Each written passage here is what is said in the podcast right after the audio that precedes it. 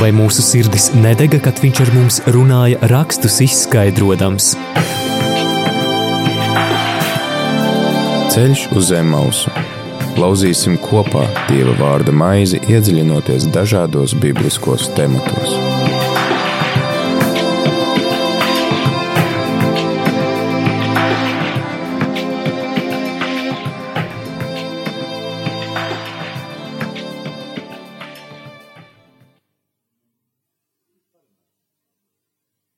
Slavēts Jēzus Kristus, Radio Marija Latvija klausītāji. 29. oktobrī pulksteņ četros esam ēterā ar raidījumu ceļš uz Emausu, un kā ierasts mēs šajā raidījumā lasam otro mūzus grāmatu, izceļošanas grāmatu, iepazīstam Mūzus tēlu, iepazīstam Ārona tēlu pagājušo nedēļu kopā ar Uģi Pallo. Mm, sapratām, jā, kā šī mūzus brāļa lomu. Iepriekš mēs tad ar, ar pasniedzēju Jāni Priederī iepazinām mūzus un Ārona ciltsrakstus, mēģinājām saprast, kāpēc tie ir tik svarīgi, pa laikam svētajos rakstos lasīt šos ciltsrakstus, un ja mēs tos, ja tajos iedziļinamies, tad ir ārkārtīgi interesanti. Esam arī nonākuši līdz tam, ka parādās pirmās mocības Ēģiptes zemē. Tātad faraons atsakās laist ārā tautu, padara tautas apstākļus vēl grūtākus, vēl nepanesāmākus nekā tie ir bijuši līdz šim. Un tad arī Dievs nolemj rādīt savu spēku caur Mūzus un Ārona rokām. Šodien arī tad nebūšu ēterā viens pats. Kopā ar mums Šeit studijā ir arī priestris Valdis Trīksne. Lai tu slavēts Jēzus Kristus. Mūžīgi mūžam slavēts. Prieks jūs šeit sastapt dzirdēt ne tikai svētajā misē. Paldies par svētās mīsas translācijām, kurās varam dzirdēt jūsu balsi, jūsu sprediķus. Tad tagad varam arī satikties šeit raidījumā ceļš uz Emausu, jo Starp citu, arī jūs esat studējis svētos rakstus, vai ne? Jā, un es vēl joprojām turpinu viņus jā, studēt. Projām, jā. Nu, lūk, te mums ir iespēja dzirdēt uh, Rīgas garīgā semināra pasniedzēju šeit mūsu mājās, mašīnās, kur nu kurš mēs tagad katrs esam, uh, vai ceļā uz mājām, vai ceļā no mājām. Uh, tad, uh, varēsim, varēsim analizēt eh, šīs dienas eh, tekstu. Mūsu, eh, mūsu šīs dienas teksts, tiem, kas vēlas sekot līdzi, tad varat sameklēt savas bībeles vai kādu aplikāciju vai apmeklēt mājaslapu bībele.lv un atšķirt otro mūzus grāmatu, izceļošanas grāmatu, septīto nodaļu no 26. panta līdz 8. nodaļas 11. pantam. Tad uh, lasam Dievu vārdu.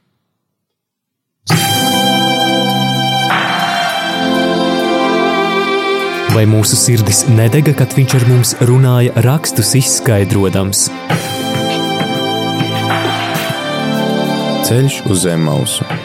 Lauzīsim kopā Dieva vārda maizi, iedziļinoties dažādos bibliskos tematos.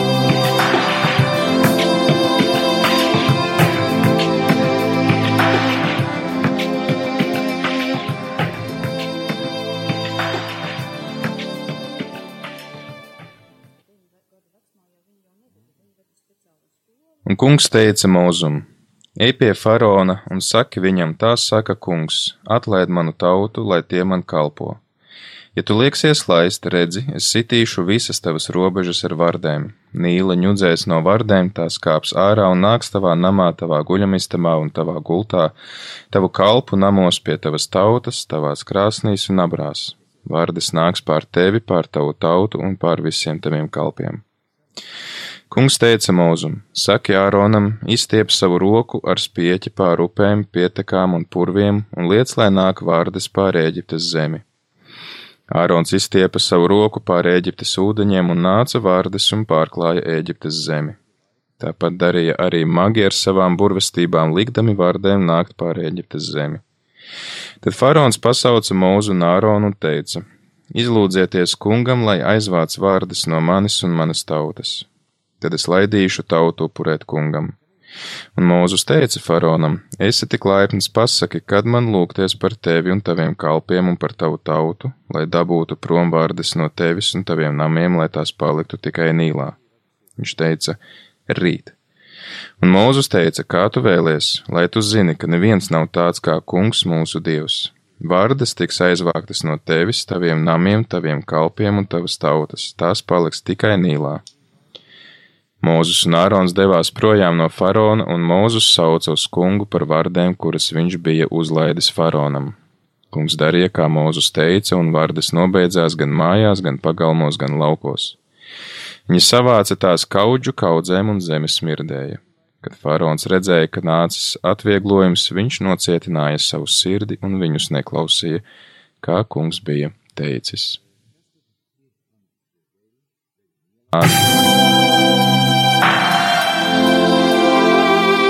Vai mūsu sirdis nedega, kad viņš ar mums runāja, rakstus izskaidrojams.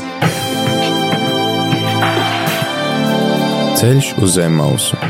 Lauzīsim kopā Dieva vārda maizi, iedziļinoties dažādos bibliskos tematos.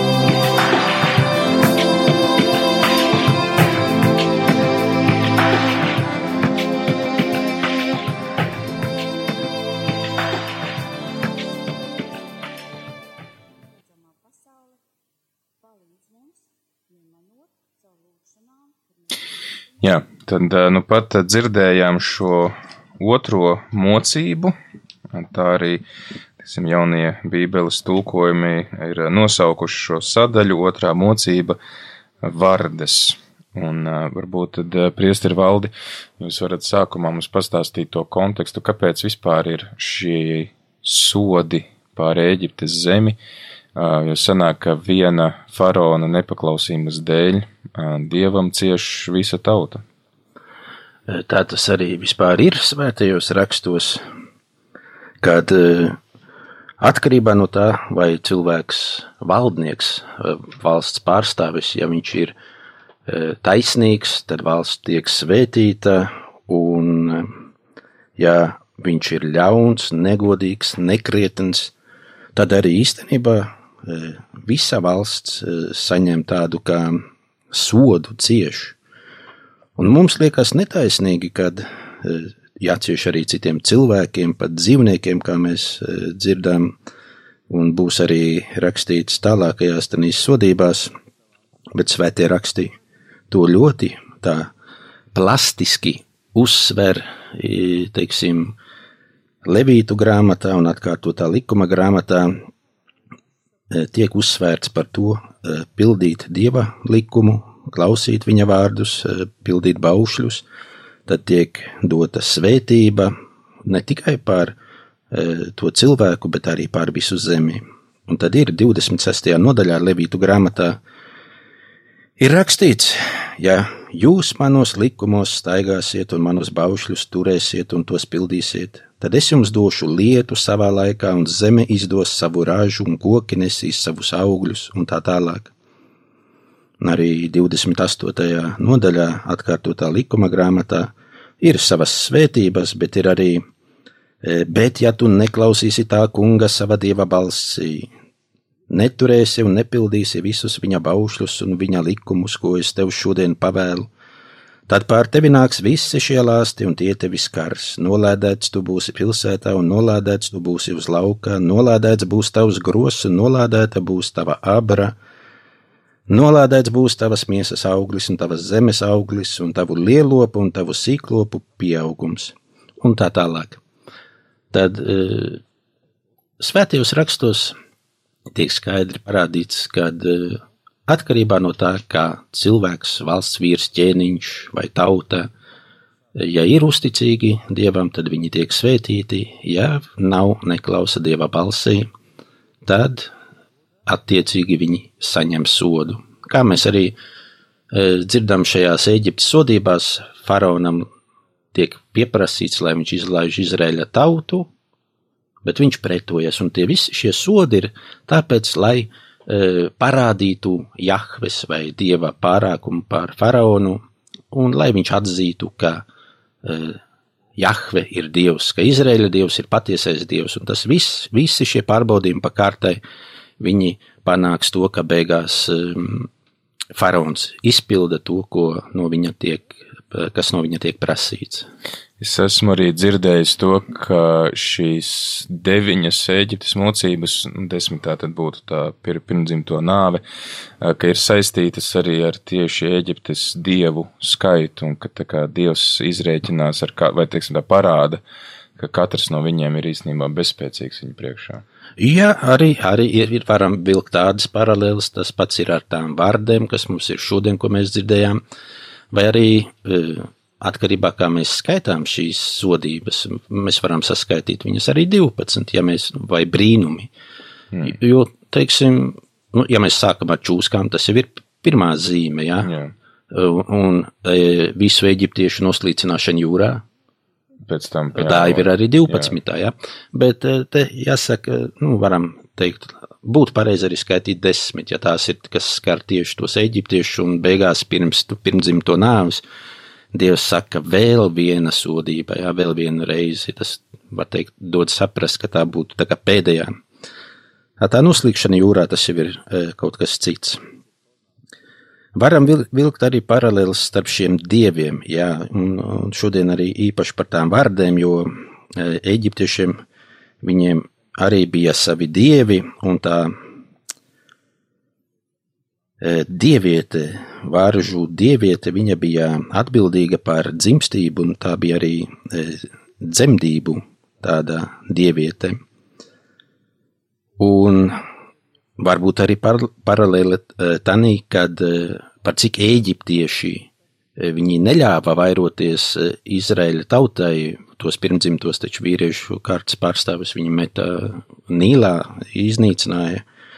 Tas arī var būt kā ar šīm vārdēm tāds simbolisks, var teikt, izreikināšanās ar eģiptiešiem. Jā, tas varētu būt, bet es gribu atrast, tūlīt bija tā varžu dieviete, te man bija par čūskām, Jā, literatūrā vārdas simbolizē spontānu vairošanās. Heket, varžu dieviete no Antinoe, ir saistīta arī ar dzemdībām, ar vairošanos. Tad, tad tas ir tā kā, tad kas ir tas, ko Dievs vēlas pateikt ar šo, ar šo mocību, ka tagad tās visas vārdas lēc ārā no Nīlas. Es esmu lasījis arī to, ka īstenībā tas varētu būt tā kā dabiskas sekas tai pirmajai mocībai, ka viss ūdens pārvēršas par asinīm un nobeidzās zivis, un tad it kā tās pūstošās zivis būtu izprovocējušas to, ka vārdas tad pamet sabojātos nīlas ūdeņus, tad, tad tas būtu bijis tāds dabisks process, nevis nu, tāds brīnums, ko izsauc Ārons. Um, ja mēs pieņemam, ka tas ir tomēr arī tāds dieva providences darbs, kas ir tas, ko viņš grib ar to pateikt? Jā, īstenībā ir šīs parasti kaut kad Nīlas augštecē sakrājas piesārņojums, un tas ūdens tekot, viņš kļūst sarkans. Un ir šī saistība, ja tādā laikā vardes varētu atstāt Nīlu, lai glābtos no piesārņojuma, un tāpēc arī ir šī, e, šī varžu pandēmija saucamā, ja, ka viņi iebrūk e, sauszemē. Bet īstenībā Bija arī periodi, kad Nīlā ūdens nokritās. Nīla bija, e, ir varbūt pat vēl joprojām bagāta ar vardēm, un, un kad pienāk vardēm, nokrītas tas ūdens līmenis, vardas iet tā kā nārstot kaut kad septembrī, oktobrī, septembra beigās, oktobrī, tiek, tas mēnesis tiek saukts arī par varžu mēnesi, jo tad šīs vardas viņas uz sauszemi dodas un tur pārojas vai kā.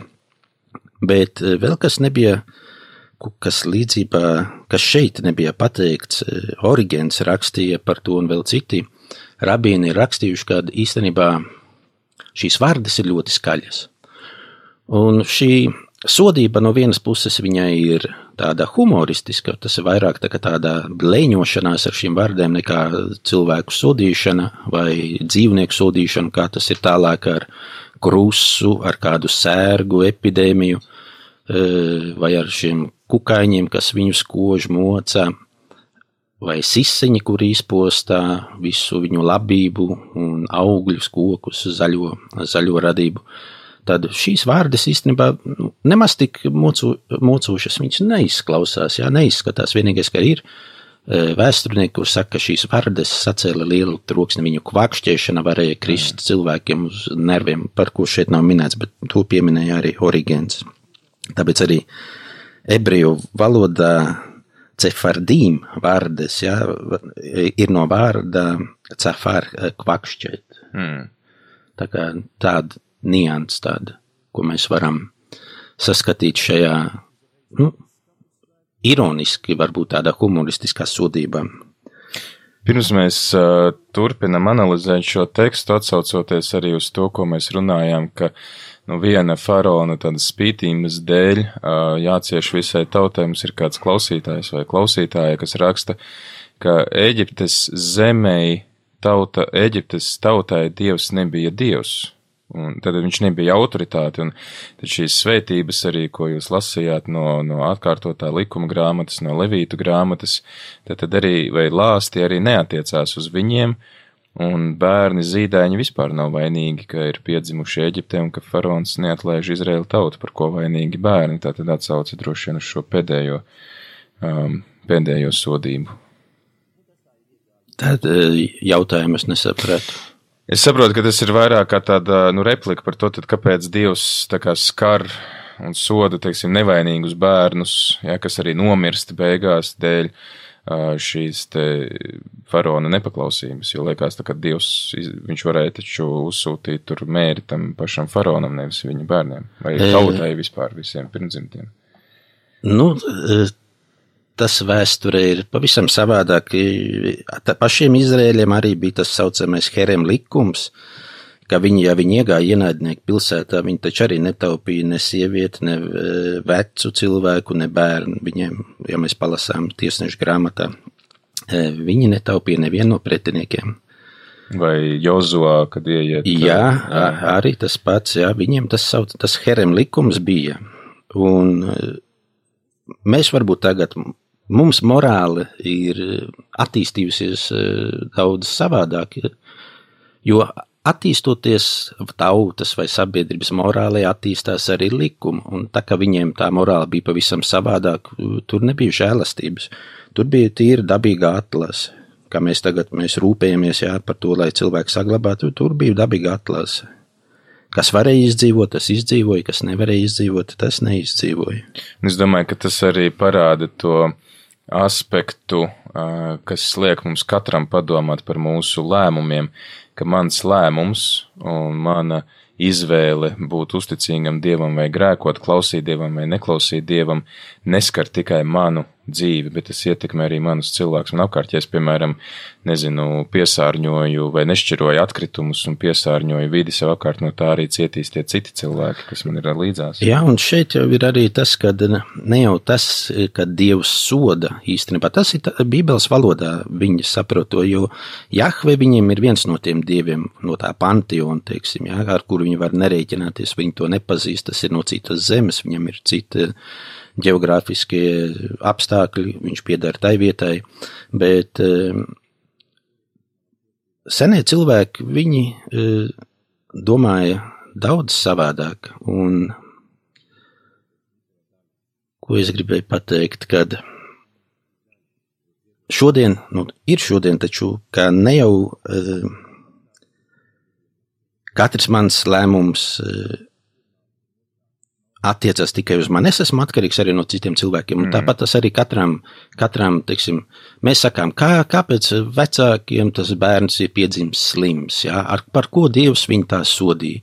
Bet eh, varbūt taču, kas zina, kā tie vecāki ir dzīvojuši, ko viņi ir ēduši, kādu dzīvesveidu viņi piekopjuši, eh, piekopuši, ko viņi ir dzēruši, kā uzvedušies. Un bērns viņiem piedzimst kāds. Un mēs sakām, Dievs sodīja. Nē eh, cilvēks ar savu grēku var nodarīt daudz ļaunu savam tuvākajam. Tas nenozīmē, ka Dievs tos ir sodījis. Un tas pats arī ir par šo, par šo Eģiptes tām sodībām. Visdrīzāk, nu, ne jau Dievs tur daudz soda, bet tas ir citu cilvēku grēka seks, kurus uh, cieš nu, nevainīgi cilvēki. Viņi nav vainīgi, bet viņi cieši.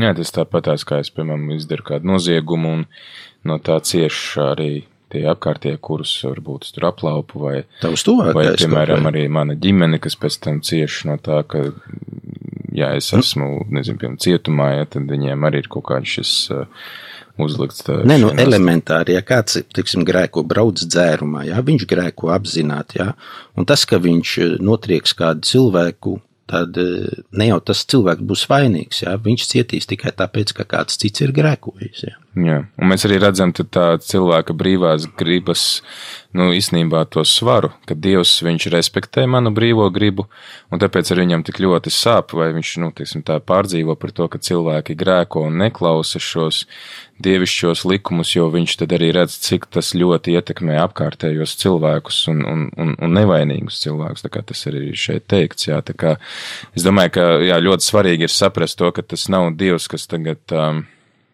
tiksim tā, šis stāsts, Tā ir vecās derības valoda, Jā. un mēs viņu nevaram tā klausīties eh, tīri pēc mūsdienu eh, kaut kādas vēsturnieciskās metodas, jā, pētījumiem. Tā ir vecās derības valoda ir pavisam cita, jā, mēs nevaram eh, pieprasīt, lai viņi būtu tādi chronoloģiski un tik precīzi.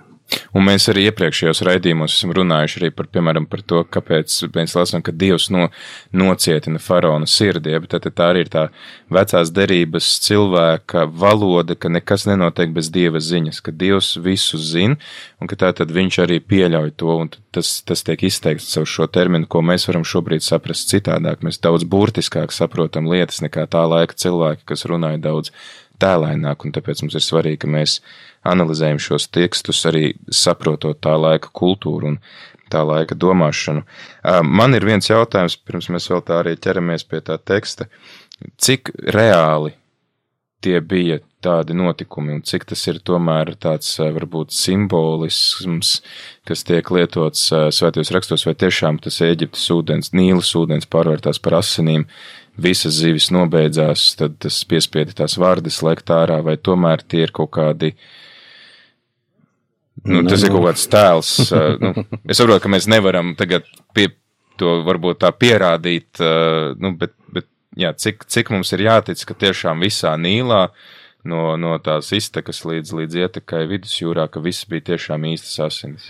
Nē, tas visdrīzāk nebija īstas asins, un tie ir etioloģiski stāsti, tāpēc, kad eh, etioloģiskas stāsts tas no grieķu valodas haitija, kas nozīmē cēlonis. Un to mēs līdz redzēsim, tāpēc, ka nu, mūsdienu vēsturiskās metodas nepieļauj pārdabiskas parādības vai fizisko likumu vienreizēju kaut kādu apturēšanu.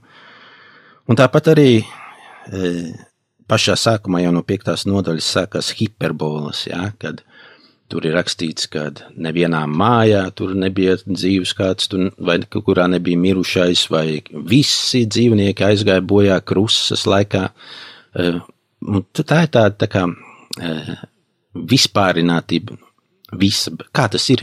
Ja visi dzīvnieki nobeidzās no sērgas, tad cik daudz, eh, kur palika, tad eh, kā varēja nobeigties dzīvnieki pēc, teiksim, krusas? Ja? Jā. Pēc tam Mozus vēl saka faraonam, tu man dod lops eh, kaujamam upurim, kas man jāupurē tuksnesī savam dievam. Un vēl kur tad tie zirgi, ja, kad, ar kuriem tā faraons pēc tam dzinās pakaļ?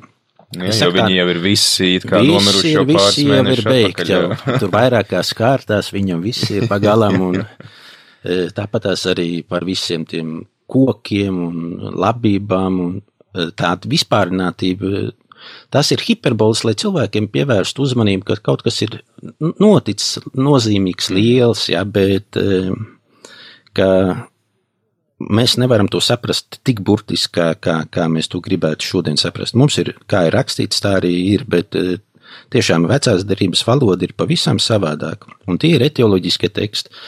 Eh, Jā, arī vēsturnieks saka, ka šīs eh, vārdas ir saistītas, varētu būt saistītas ar, ar, ar, ar to, tad, kad, teiksim, tas piesārņojums vai nogulsens, kas plūst uz leju, uz jūras pusi, ja, kad vardas viņas vairs tādā ūdenī negrib palikt, viņas mūkārā. Tas ir ūdens iekrāsojies sarkans, un vārdas atstāja. Un tas pats šī, šī parādība bija pazīstama, viņa arī reāli ir. ir notiek, bet šī parādība arī bija aprakstīta vairākās senās kultūrās. Tie paši akadieši, sumēri, viņi arī rakstīja par šīm sarkanajām upēm, ezeriem, ja, kad, ka pārvēršas par asinīm. Vēl kur bija, man liekas, Jeremija, Jeremija bija.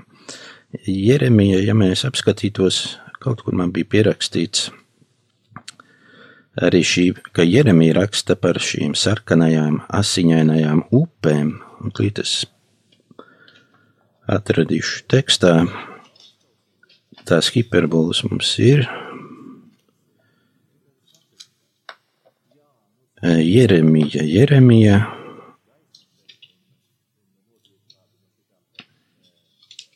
Man liekas, ka tā bija kā 23. nodaļa.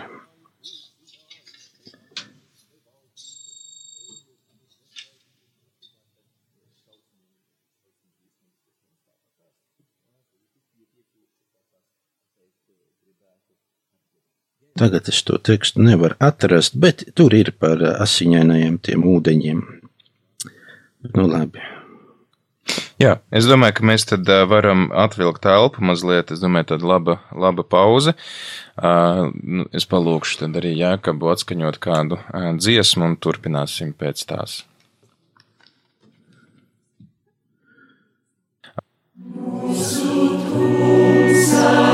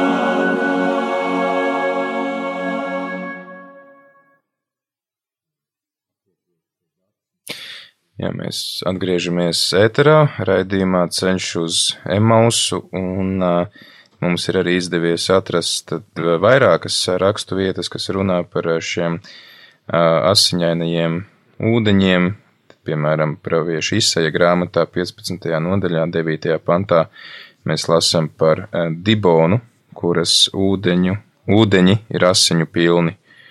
Un tad vēl ir arī otrā ķēniņa grāmatā. Jā, 3,22 atklāsmes grāmatā 8, 8, 11, 6. Tagad šī parādība bija pazīstama.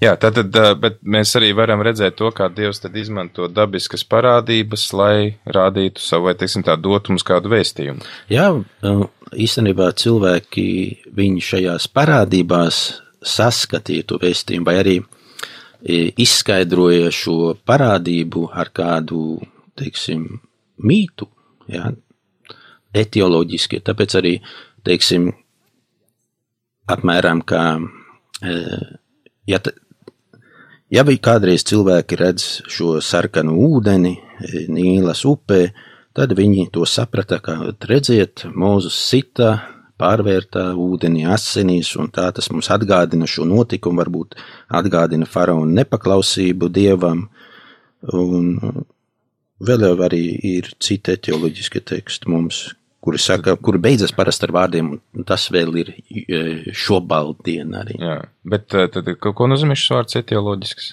E, kas parāda izcelsmi, grieķu aitija izcelsme. Mm -hmm. Etioloģiskais teksts, nu, tas izskaidro to celšanos, varbūt arī būs arī tur sodības, kur bija par tiem kukaiņiem, jā, kas varbūt apraksta tās mocības ar tiem kodīgajiem kukaiņiem, Un kāds var pateikt, vēl jau šodien Eģipte ir šie, šie kukaiņi. Mm, jā, jo... no, tas izskaidro, kā tas būtu aizsācis. Jā, jā, jā. Skaidrs. Uh, ja tas ir tāds dabisks uh, aizsākums, tad uh, kas ir tas, ko šie magi atdarina. Jo mēs visur lasām, ka magi arī it kā izpilda to pašu brīnumu, ko Ārons un Mūzes. Jā, īstenībā tas jau nav iespējams. Ja, ja viss ūdens ir pārvērsts asinīs, tad ko tad viņi pārvērt? Jā, jā? Jo tur ir viss, ka viss ja, pats akās, visur ir tas ūdens. Ja viņi jau izvilkuši no, no, no, no Nīlas ir viss vārdas, tad ko viņiem vēl izvilkt un kāpēc viņiem vēl tās mocības palielināt? Jā. Jā? Vēl tur bija par tiem kukaiņiem, par tiem kodīgiem kukaiņiem, ko magi mēģināja izdarīt, bet viņiem neizdevās. Un tas arī tikai, lai parādītu, ka to pārākumu, Jahves pārākums, jā, Ārona pārākums, kā viņa kalpa, mūzes pārākums pār, pār Eģiptes dieviem, par visu to, par viņu tiem burbiem magiem. Un tad arī šis žests, kā Ārons izstiepj savu roku pār Eģiptes ūdeņiem, un tad nāk vārdas, tad viņš tiešām ir izteicis kaut kādus lāsta vārdus, vai, vai ir apstaigājis visu Eģiptes zemi, lai tagad nolādētu tos ūdeņus. Nu, es domāju arī, e, šeit bija tā, tā saucamā hiperbole, ja, ka tas ir nu, simbols, ja, lai parādītu kaut ko, bet e, nu, rakstā, protams, ka tādā vecajā derībā tur lietas var būt mierīgi pārspīlētas. Ja, mm. Katru ūdeni, vai tad nu, Ārons nogāja no Nīlas augšteces līdz Leitecei, vai arī e, tāpat tās, kur bija par krusu, kad bija šī sodība pirms krusas iepriekšējā dienā, ja, vajadzēja izziņot pa visu Eģipti, pa visu Eģipti, ka nākamajā dienā būs krusa, ja, ka vajag paslēpt kalpus, lopus, un kā, kā tas tādā laikā notiek, tas nebija iespējams, lai pa visu Eģipti padotu tādu ziņu, ja. Jā, tas ir de, 9. nodaļas 19. pantā. Tad nu liec aizvest drošībā visus savus ganāmpulkus un visu, kas te uz lauka, jo pār visiem ļaudīm lopiem, kas būs uz lauka un nebūs pārnākuši namos birs krūs un pie nu, mirs. Loģiski, mēs skatoties pēc mūsdienu, tas nebūtu iespējams tādā laikā un pie tiem apstākļiem. Šodien ieliec Facebookā un. Šodien jā, bet nevis varbūt ieskatīsies. Taisnība. Jā, tad uh, lasam, lasam tālāk šo tekstu, un uh, mēs lasām, jā, ka šie magi arī atdarina tās burvestīmes, liek vārdiem nākt pār Eģiptes zemi. Un tad faraons sauc mūzu un un saka, tad lūdzu kungam, lai aizvāc vārdas no manis un manas tautas, tad es laidīšu tautu upurēt kungam. Un uh, Mūzus saka, esi tik laipns, pasaki, kad man lūgties par tevi. Tas man liekas tā interesanti, ka faraons izsaka lūgumu, Un Mūzes saka, nu, kad, kad tu to gribi? Un... Nu jā, te jau parādās tas mūzes pārākums, ja, kad faraona sirds it kā viņa tā lēnām jau nosliecās, bet redzēsim tālāk, kad nu, nepietiek. Tās lietas vajag nedaudz pavairot, jā, tur, kamēr beigās jau faraona paša kalps saka, nu, laid viņus vaļā, jā, mums ir tik slikti, un faraons vienalga, nē, nē, nē, nē. nē. Mm. Bet tas arī, nu, ir, lai parādītu to pārākumu, jā, ka viņas sirds, jo Dievs pašā sākumā, kad viņš sūta mūzu pie, pie faraona, viņš arī saka, kad izlaidīs, jā, bet ne uzreiz, ja tas viss tas process notiks lēnām. Tāpēc arī šīs sodības ir vairākas, ja nav tā uzreiz tā atgriešanās, bet tā pakāpeniski. Jā, un tad uh, viņš saka, tad lūdzu rīt, Mūzus saka, kā tu vēlies, lai tu zini, ka neviens nav tāds kā kungs uh, mūsu dievs, ka tā tad arī mēs redzam to, to īstenībā to vēstījumu. Jā, jā tas ir Jahvs pārākums pār, pār, pār visiem, pār Eģiptes dieviem, pār, pār faraonu, pār visu to zemi.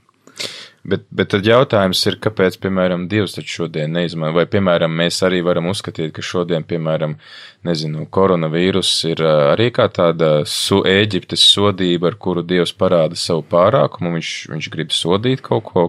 Teiksim, šodien saskaroties ar kodām arī dabas katastrofām, mēs, kā mums tās lasīt? Tā kā arī šeit mēs sakam, ka, ka Dievs es domāju, savu spēku vai? Nē, es domāju, jebkurā gadījumā cilvēks ir dabas daļa, un tās lietas arī ir, nāk no dabas, ja teiksim, zemestrīces vai plūdi vai kas. Un lielā mērā, nē, nē, tas jau nav Dievs, kurš mīl, ja, kurš, kurš ir mīlošs tēvs, kurš sodīt, liktu ciest saviem bērniem. Tas nedomāju, ka tas būtu normāli. Slimības tās arī noteikti ir dabas daļa, ja, un kaut kur viņas var nu, neesmu mediķis, ja, bet eh, neatkarīgi viņš var būt neatkarīgi no cilvēkiem. Tāpat tās eh, kā pārējās vētras, ja, nu, tagad uz Ameriku, Orleānā, ja, Ņūorleānā tuvojas vētra, ja, tur mums trauksme, ja, un ko Dievs soda, nu, es nedomāju, ka tas būtu tikai tā, ka Dievs sodītu. Bet droši vien, ka mēs katrs individuāli varam lūkšanā droši vien ieklausīties, ko Dievs man vēlas ar to pateikt. Nu, tas, es domāju, tādā ziņā, piemēram, daudzi arī, ko es esmu saticis cilvēku par šo, par šo pavasara visu to, to norimšanu, kas bija, ka daudz cilvēku teica to, ka, bet, hei, man, man tas bija ļoti vērtīgs laiks, ka es varēju, piemēram, vairāk laika atrast lūkšanai, vai, piemēram, sakārtot savu kaut kādu ikdienu. Nu, tas ir tāpatās, kā, teiksim, ļaunums, jā. Dievs pieļauj lietas, jā, viņš pieļauj, ne tāpēc, ka viņš to gribētu, viņš pieļauj, nu, Un cilvēks var tās lietas izmantot. Ja? Tāpat tās slimības, zemestrīces, sālīs, vēl kaut kas, kas tur plūdi, sausums. E, es visu uzreiz nepierakstīju to kā dievu sodu. Ja? Uh mhm. -huh. Nē, nekādā gadījumā. Pat šito slimību, nu, Varam tur saskatīt kaut ko, nu, domāt, jā, nu, ka tas ir Dieva sots par grēcīgumu. Nu, nē, nu, tas varbūt arī grēka seks, neat, neatkarīgi no tā, vai Dievs to.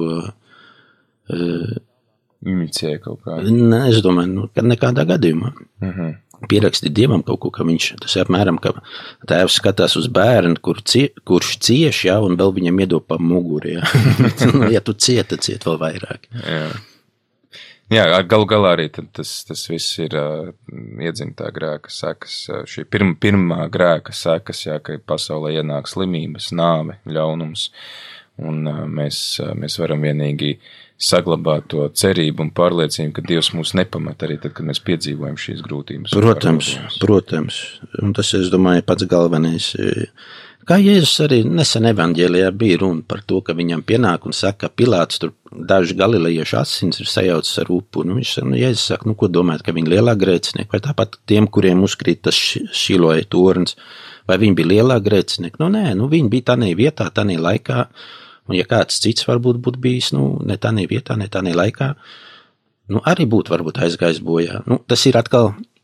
Uh, nu, grūti izskaidrot to dievišķo providenci, jo uh, ir lietas, kuras nu, dievs pieļauj. Un, un tas priekš mums ir savā ziņā arī mistērijum, ja? tāpēc, kad mēs sakām par to mistēriju iniquitātis, kāpēc cilvēks, būdams, teiksim, ticīgs un gribēdams labi, kāpēc viņam sanāk arī, ka viņš izdara kaut ko sliktu. Ja? nu, apmēram cilvēks, mēs nevaram izprast Dievu, protams, līdz galam. Parasti mēs arī, ko darām, mēs viņam pierakstām kaut kādas tādas cilvēciskas īpašības, antropomorfisms. Ja. Hmm. Paldies, tad uh, lasam tālāk uh, šo tekstu. Mēs lasām, ka faraons tātad saka, lūdzies rīt. Mūzus saka, jā, ka tātad, uh, lai tu zinātu, ka neviens nav tāds kā kungs mūsu dievs, visas vārdas tiks aizvāktas, viņš iet, lūdz, kopā ar Āronu. Te ir teikts, sauc uz kungu.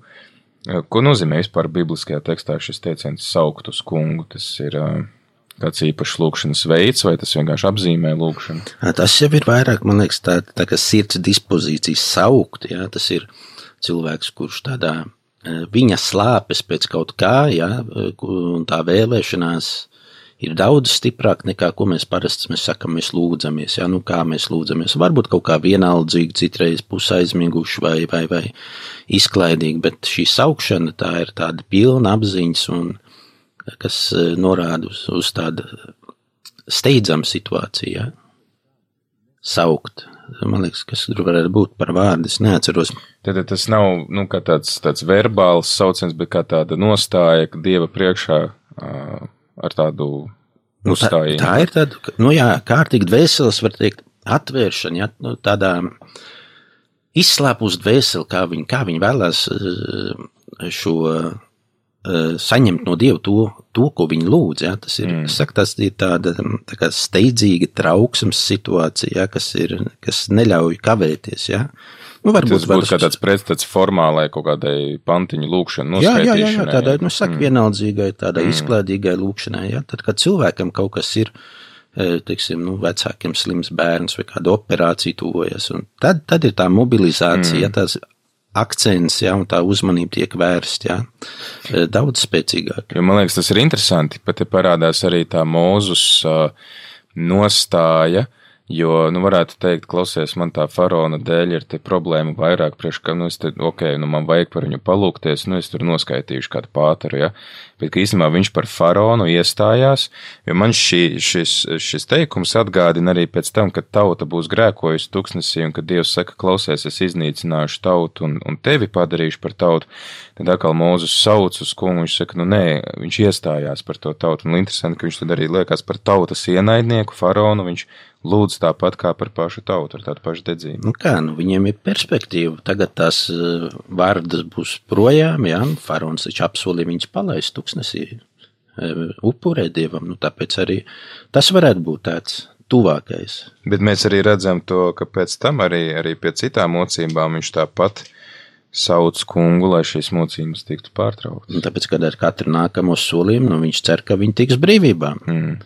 Kamēr beigās, nu, vēl viens, vēl viena, vēl viena sodība, vēl viena sērga, nu, tad viņš jūs palaidīs. Jā, jā man, man, man liekas, ka tas tāds arī varētu tāds tīri, nu, mums tāds kā varbūt piemērs, jā, kā mēs lūdzam par tiem saviem pāri darītājiem vai tiem cilvēkiem, kas mums nepatīk, kas liekas, nu, kaut vai īstenībā arī par tām pašām uh, autoritātēm valdībā, ja, cik dedzīgi tad mēs lūdzamies par šiem cilvēkiem, mums ir viegli viņus kritizēt, uh, ko viņi dara nepareizi, bet cik, kā mēs iestājamies savā lūkšanā par viņiem. Tas nu, jā, jā, jā. labs jautājums. Tur arī svētais Pāvils, jā, jā. ir par to, jā, lūdzieties par, jo no viņa labvēlības, no viņa labklājības ir atkarīgi jūsējā. Tāpat arī, man liekas, ka Babilonā, jā, praviešu, viens no praviešiem rakstījis saviem tiem tautiešiem Babilonas trimdā, jā, lūdzieties par to ķēniņu, jā, jo no viņa labklājības ir atkarīga arī mm. jūsu labklājība.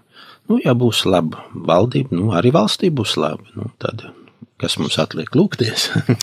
Jā, un tomēr šis, šī otrā mocība beidzās tāpat kā pirmā mocība ar vārdiem, kad faraons redzēja, ka nācis atvieglojums, viņš nocietināja savu sirdi un viņus neklausīja, kā kungs bija teicis. Tad kungs bija paredzējis to, ka faraons būs ar nocietinātu sirdi, un tas man arī atgādina, mēs kad es laikam vakar ar katehēzi ar Kristapoliņu runājām ja, par to cilvēku lūkšanu, ja, ka students tur aizmirsis atbild uz kādu jautājumu, un saka, Dievs, Dievs, es tev tagad apsolu to un to, un to tikai palīdz man atcerēties, un tad, ai, nē, neko nevajag, es jau atcerējos. Ja.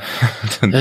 Jā, daudzos dzīves apstākļos, es domāju, ir, ir noticis, un es, es neesmu mm, arī varbūt izņēmums, ja, kad, ka man tas nebūtu noticis, kad mēs Dievam apsolam, ja mums mm. ir tās labās apņemšanās, pēc kādas žēlastības saņemšanas, mēs nu, labosimies, darīsim kaut ko, ja, bet nu, tas atkal parāda, ka mēs tāpat esam līdzīgi šim faraonam. Tas man atgādina kādu stāstu, ko mums stāstīja vienās rekolekcijās jau mūžīgo mieru Monsignors Antons Smelters, ka viņš teica, ka viņam bija kāds īpašs lūgums Dievam, viņš gan neatklāja, kas tas bija, par kuru viņš bija, nu tā ļoti karsti lūdzies, neatlaidīgi ilgāku laiku, un tad, kad Dievs viņam uzklausīja šo lūgšanu, viņš teica, es vēl šobaldien izsaku tādus pateicības vārdus par to uzklausīto lūgšanu. Ja, tā tad es neaizmirstu to Dieva labvēlību, ko viņš man parādīja, ar to pateicības lūgšanu, ko es lūdzos šodien. Tas man liekas arī tāds, tāds labs piemērs. Uh, ka ne tikai, nu jā, ka mēs vēršamies pie Dieva, ka man vajag, vajag, vajag, tā kā faraons, jā, lūdzies par mani, lai, lai tikai aiziet, un tā kā aiziet tā mocība, nu tad, tad pat, pat paldies neizskan. Nekas palieksiet uz vietas un celsiet atkal kārtējās piramīdas un pilsētas, jā. Nu, jā. Lipināsiet ķieģeļus kopā. Uh, noslēdzot šo raidījumu, kas būtu, teiksim, tās lietas, ko mēs varam paņemt kā tādu Teiksim, ja mēs ņemtu vērā šo, šo lekciju divīna metodi, ka mēs esam lasījuši, mēs esam pārdomājuši, meditējuši, kas ir tas, uz kādu rīcību mūs aicina šodien dzirdētais vārds?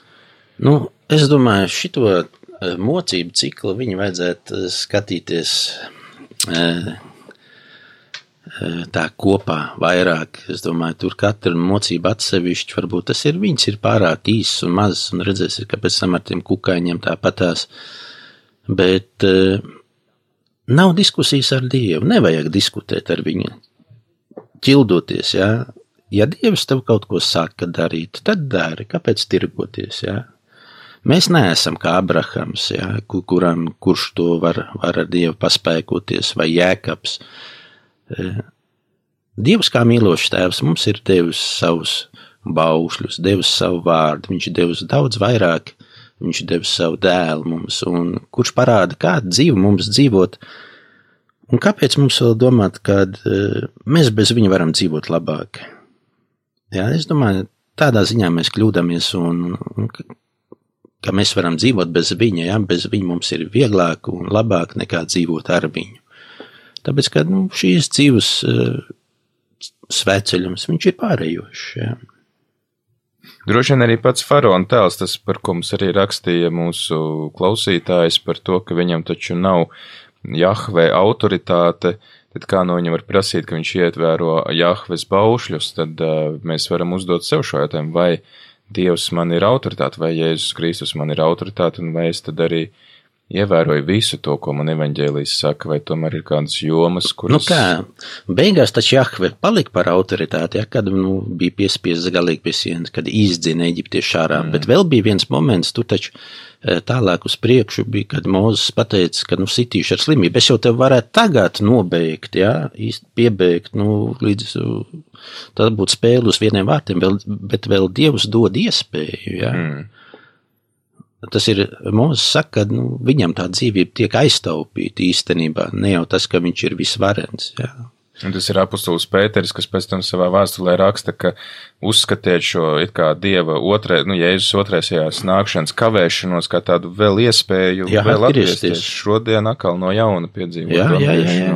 Un, jā, Tālūk, tā kā tad var, un arī es domāju, mūzus lūkšana noteikti var būt kā tāds piemērs lūgt par tiem, kas mums ir apkārt, lūgt par mūsu autoritātēm un saukt. Nevis vienkārši formāli noskaitīt lūkšanas, tāpēc, ka redz mums rādījumā arī teica, ka tas ir jādara, bet tiešām no sirds saukt par šiem cilvēkiem, par viņu labklājību, par viņu atbildību, par viņu pieņemtajiem lēmumiem. Par atgriešanos. Par atgriešanos, jā. Viennozīmīgi un arī pašiem par savu atgriešanos bez šaubām, ka mēs arī tad uzticīgi sekojam Dievam, ievērojam tos baušļus, uz kuriem Viņš mūs uh, mudina. Uh, Priesteri Valdi, liels paldies par dalību šajā raidījumā. Nu, jums paldies par pacietību. Jā, paldies arī mūsu klausītājiem. Tad turpināsim ar svēt, nevis svētās misas, svētā misa būs pulksten sešos, bet ar jau nākamo raidījumu pulksten piecos, tad dosim iespēju mazliet atpūsties mūsu klausītājiem. Ceļš uz zem mausu.